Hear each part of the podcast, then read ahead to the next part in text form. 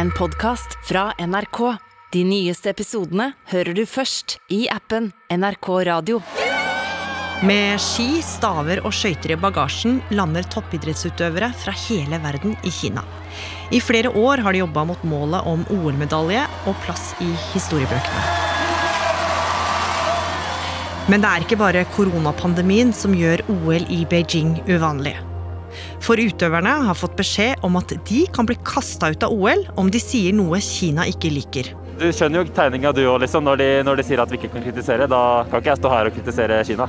any athlete that takes a political stand on the field of play or on the podium will be punished. So the only answer is to say that athletes should stay silent until they get home. For Kina har noe de ønsker å skjule. På den andre sida av landet, langt borte fra storslåtte OL-anlegg, skjer det noe de har prøvd å legge lokk på i årevis. Mer enn én million uigurer sitter innesperret i gigantiske fangeleirer vest i Kina, blir utsatt for et omfattende hjernevaskprogram. Hva er det egentlig som foregår bak OL-landets storslåtte fasade?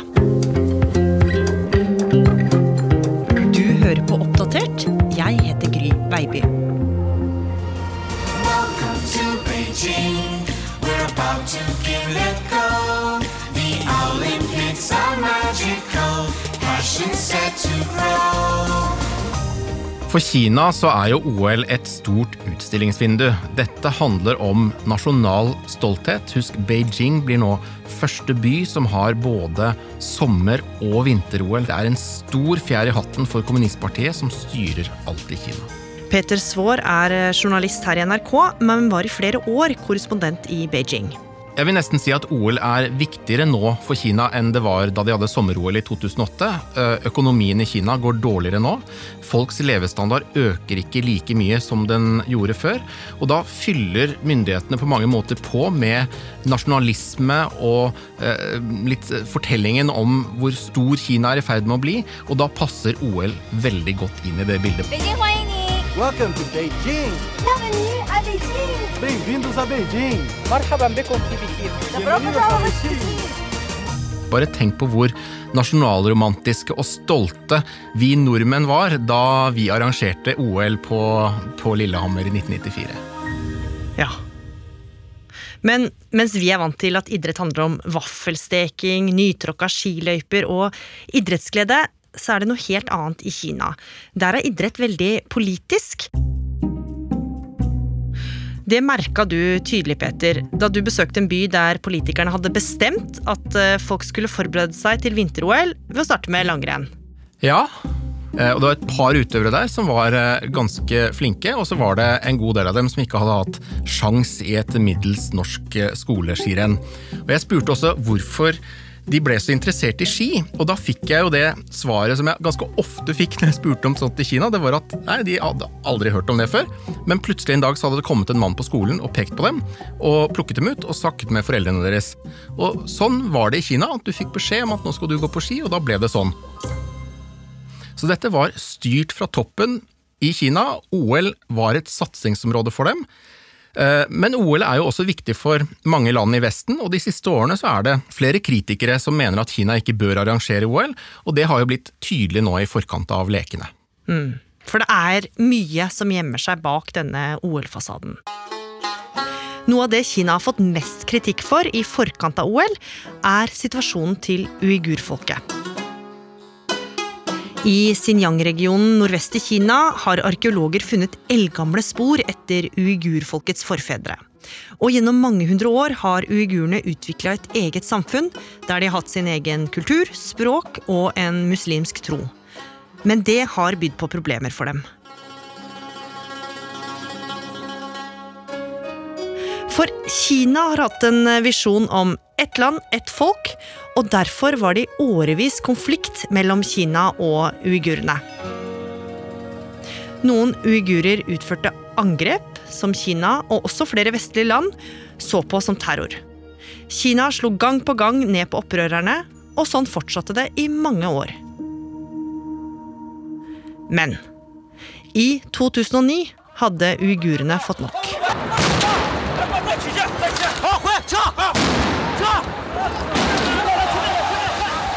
Tusenvis av uigurer hadde tatt til gatene og demonstrerte i eh, Xinjiang. De var lei av at de aldri ble lyttet til, at de ble diskriminert om de ikke gjorde akkurat som Kina ville.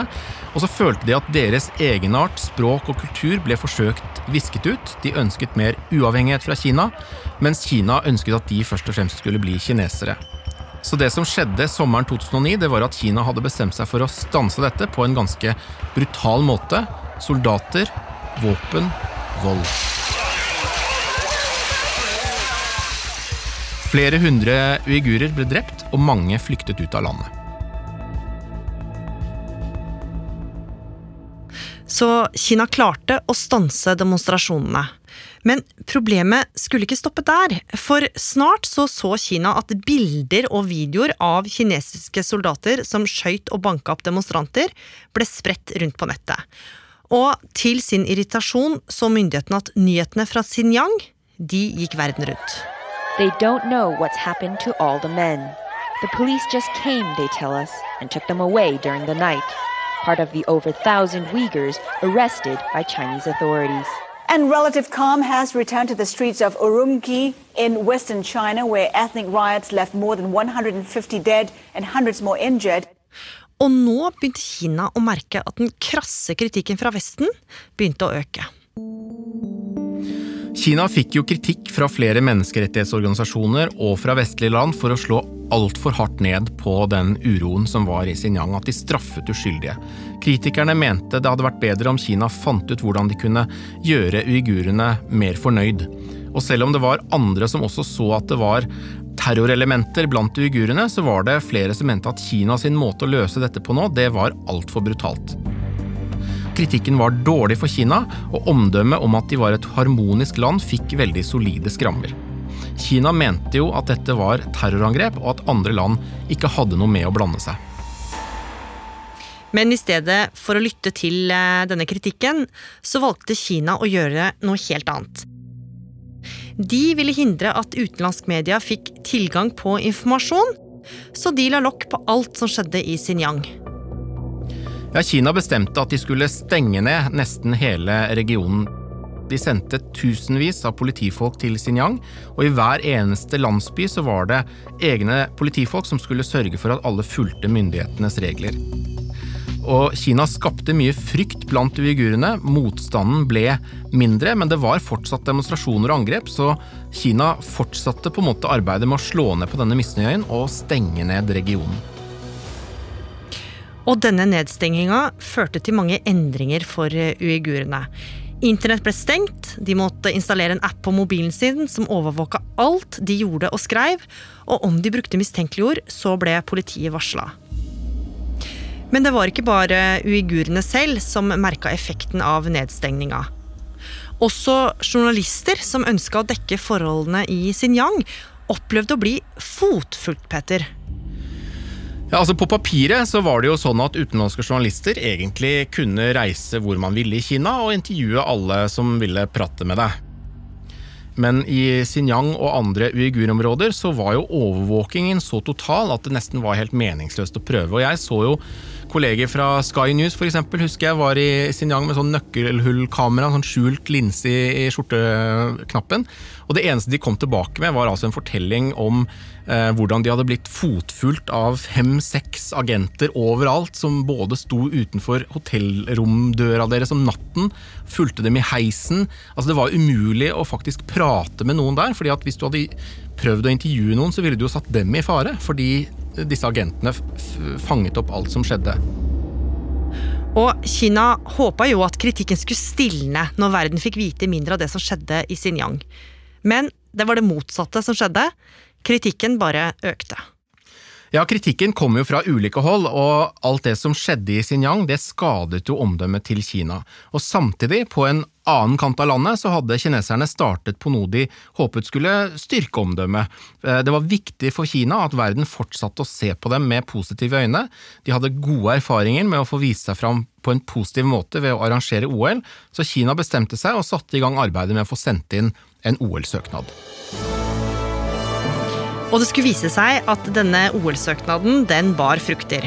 For en sommerdag i 2015 var alt klart for annonseringa av hvem som skulle få arrangere vinter-OL i 2022. Og delegasjonen fra Beijing sitra av spenning. The International Olympic Committee has the honor to announce the host city of the Olympic Winter Games 2022. Beijing. Det er klart det var jo en kjempeseier for Kina å få nok et OL bare under eh, ti år etter at de hadde eh, arrangert eh, OL forrige gang. En stor fjær i hatten. Men midt oppi OL-feiringa skulle Kina bli minna på at problemene i Xinjiang de eksisterte fortsatt. Klokken var ti over sju lokal tid da bomben gikk av. Minst tre mennesker ble drept i kveldens angrep, og 79 såret. Gjerningsmennene skal også ha angrepet forbipasserende med kniver. Militante separatister fra denne regionen har ifølge kinesiske myndigheter gjennomført en rekke angrep den siste tiden. Vest i Kina ble flere mennesker drept og såret etter at ukjente menn i to biler kastet sprengladninger inn på en markedsplass i morgentimene. Uigurene de fortsatte å gjøre opprør mot de strenge reglene Kina hadde innført mot dem. Og ikke bare det. Nå begynte det også å komme varsler om at Kina hadde tatt mer ekstreme grep for å stanse uigurene. Ja, for i Xinjiang så hadde det lenge gått rykter om at uigurer bare forsvant. Folk fortalte om slektninger som ble borte. Ingen visste hvor de hadde blitt av. I asked the Chinese government, where is my brother? My mother was taken away by Chinese authorities. Og mot slutten av 2019 så kom det noen nyheter som kunne gi svar, både på hvor de savnede uigurene hadde blitt av, og også noen svar som virkelig sjokkerte verden. 400 dokumenter er lekket til en gruppe journalister. Dokumentene viser hvordan over én million uigurer er låst inne og blir utsatt for tortur og tvang i en omfattende hjernevaskoperasjon. Fangene de slipper bare ut hvis de kan bevise at de har endret oppførsel, tro og språk. Satellittbilder viste at det nylig var bygd flere interneringsleirer med liksom vakttårn og piggtråd rundt. Dette var jo fengselsstrukturer som man anslo at rundt én million uigurer kunne sitte innesperret i. Og disse satellittbildene, som ble gjengitt av medier i hele verden, gjorde det jo helt åpenbart at det foregikk ting i Xinjiang som kanskje særlig i Europa og USA ga veldig ubehagelig klangbunn til eh, andre verdenskrig og til interneringsleirer i vår egen nære historie. Og I tillegg så publiserte New York Times over 400 sider med lekkede kinesiske regjeringsdokumenter som fortalte mer om hva Kina egentlig ville med disse leirene. Og da Kina ble konfrontert med disse avsløringene, så sa de at dette bare viste skoler der uigurer skulle lære seg å bli lovlydige borgere. Men dette så jo for alle oss observatører utenfra åpenbart ikke ut som skoler. Det så ut som noe som lignet fangeleire. Mm. Så verden slo seg ikke til ro med det. Og derfor bestemte Kina seg for å gjøre noe litt uvanlig for å forsøke å overbevise om at alt var som det skulle i Xinjiang. Så de kontakta noen utvalgte mediehus og inviterte til en av leirene. En sommerdag i juni 2019 slapp to BBC-journalister inn de store portene i et av de omdiskuterte anleggene. Og like etter kunne verden for første gang få se bilder fra det som Kina kalte uigurskoler. China used to deny that these places exist. But now we're being given a tour. The message these are schools, not prisons. Journalistene, som ble fotfulgt av personer fra myndighetene, filma lyse lokaler og voksne mennesker som satt på skolebenken. Der lærte de å lese og skrive på kinesisk. I love the Communist Party of China, this man has written. These are places where adults wear uniforms and where they don't go home at the end of the day but sleep up to 10 a room, sharing a toilet, with no idea how many months or years it will be before they can return to their families. Vaktene i leiren viste også fram en gjeng i røde og blå treningsdresser som satt og malte, mens andre igjen dansa og sang sanger på kinesisk.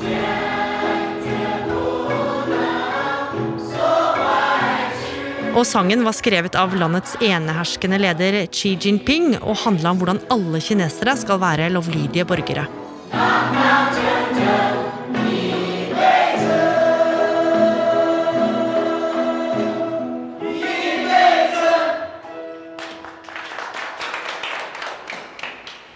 Kina hadde jo håpa at dette besøket skulle gi verden et bedre inntrykk av leirene. Men det skulle vise seg at de ikke helt hadde klart å overbevise journalistene, Peter. Nei, altså Disse bildene ble jo møtt med ganske stor skepsis. Det var åpenbart at her var det en vestlig journalist som var leid inn i én leir for å filme akkurat disse og disse og disse lykkelige uigurene, som da fortalte at eh, de aldri hadde hatt det bedre. Det sto ikke til troende for et internasjonalt publikum, og det ble sett på at dette var fullstendig kontrollert av kinesiske myndigheter.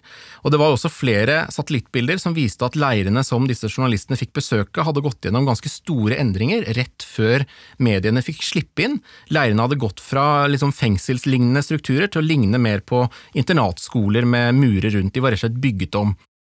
Og at uigurene var frivillige i disse leirene, det var også en påstand som mange ikke trodde på. Så Kina ble jo nå beskyldt for å holde på med et kulturelt folkemord, altså at de forsøkte å utrydde en hel kultur.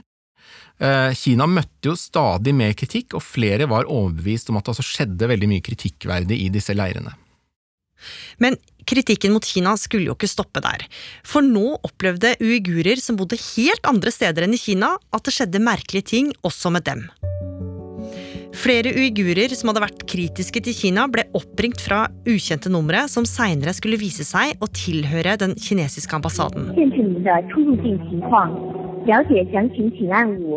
Det som ble sagt i anropet, ga ikke så mye mening, men flere uigurer opplevde oppringningene som et tydelig tegn på at Kina fulgte med på dem og visste hvor de bodde. Kina mente derimot det dreide seg om forsøk på svindel, og nekta for å stå bak. Men det skulle komme flere anklager mot Kina. Det kom saker om at eh, Kina hadde utvikla et kamera som ble brukt til å identifisere uigurer rundt om i verden.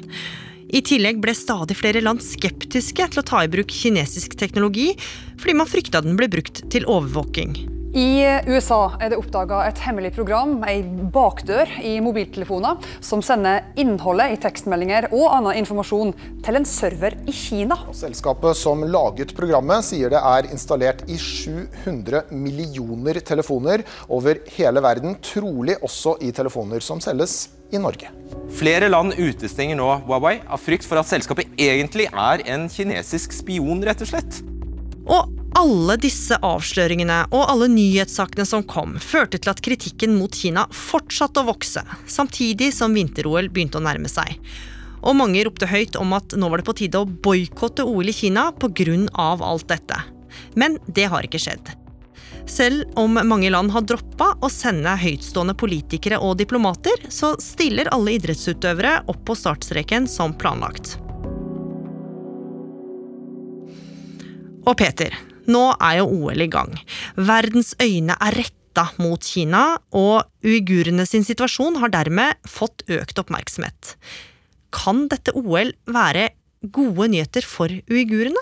Nei, det tror jeg ikke. Jeg tror eh, ikke dette OL vil få noe særlig å si for eh, uigurenes sak. og Den kritikken kineserne nå i økende grad utsettes for internasjonalt, det bare brukes innenrikspolitisk til å si se her hvor mange fiender vi har i verden, nå må vi stå opp og være stolte og slå tilbake. og Kina er et stort og mektig land, og de vil prøve å knekke oss, men vi skal liksom vinne. Så dette brukes heller til å på en måte styrke den indre fortellingen da, som myndighetene forteller sin egen befolkning, av hvor viktig det nå er å liksom gjøre felles front mot eh, all den kritikken de utsettes for ute.